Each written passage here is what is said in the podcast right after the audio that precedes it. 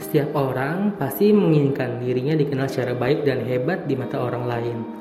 Ya, itu hal yang wajar karena terkadang seseorang itu butuh yang namanya aktualisasi dan pengakuan diri.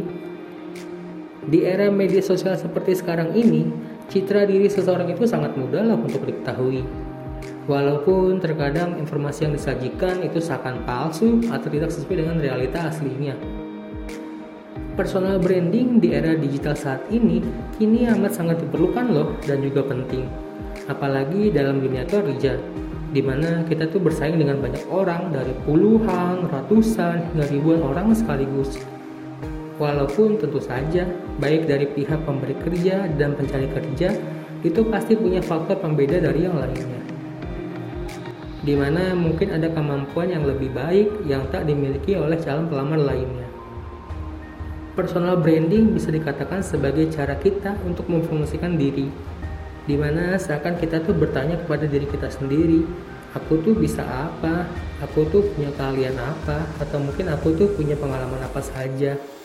Nah, di mana nantinya akan ada hal-hal yang bisa membuat orang lain tuh percaya bahwa kita itu mampu loh untuk diajak bekerja bersama. Inti dasar dari kita membuat personal branding itu adalah agar kita bisa dikenal lebih baik oleh orang lain. Apalagi dengan mereka yang sama sekali tidak pernah bertemu langsung dengan kita. Mungkin kata promosi diri adalah kata yang paling tepat untuk mengartikan dari kata personal branding. Mirip seperti saat musim kampanye, di mana para calon mempromosikan diri mereka supaya dikenal lebih dekat dan lebih baik oleh para calon pemilih. Pencitraan atas diri sendiri tak bisa dipungkiri. Hal ini bisa berarti positif atau mungkin negatif, tergantung dari persepsi dan sudut pandang setiap orang. Maka sebagai langkah yang tepat, kalau ingin mempromosikan diri, usahakan sesuai dengan karakter yang ditampilkan. Jangan melebih-lebihkan dari yang sebenarnya. Misalnya dalam hal kemampuan, level kita itu ada di level 6 sampai 7 Nah, tetapi yang kita tampilkan dalam promosi kita itu adalah di level 8 sampai 9. Nah, tentu hal ini dinilai bagus, tetapi hanya bagi mereka yang melihatnya saja. Padahal sebenarnya tanpa kita sadari, kerugian itu justru ada pada pihak yang melakukan personal branding loh. Nah, kita akan kesulitan menjalankan jenis pekerjaan sesuai dengan level yang kita tampilkan. Sudah begitu, kita akan dianggap melakukan pembohongan lagi.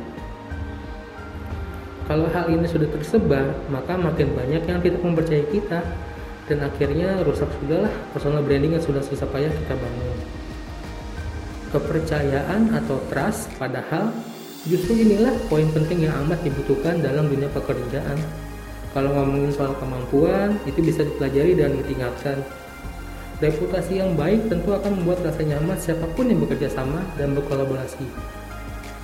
Kalau kita membahas terkait koneksi, jejaring, relasi, atau mungkin apa pun istilahnya, ini pun bisa meningkatkan personal branding kita, di mana dengan memiliki lingkaran profesional sesuai dengan yang kita tampilkan, nah ini memiliki kemungkinan lebih baik untuk lebih dikenal. Tapi jangan ini diartikan negatif ya.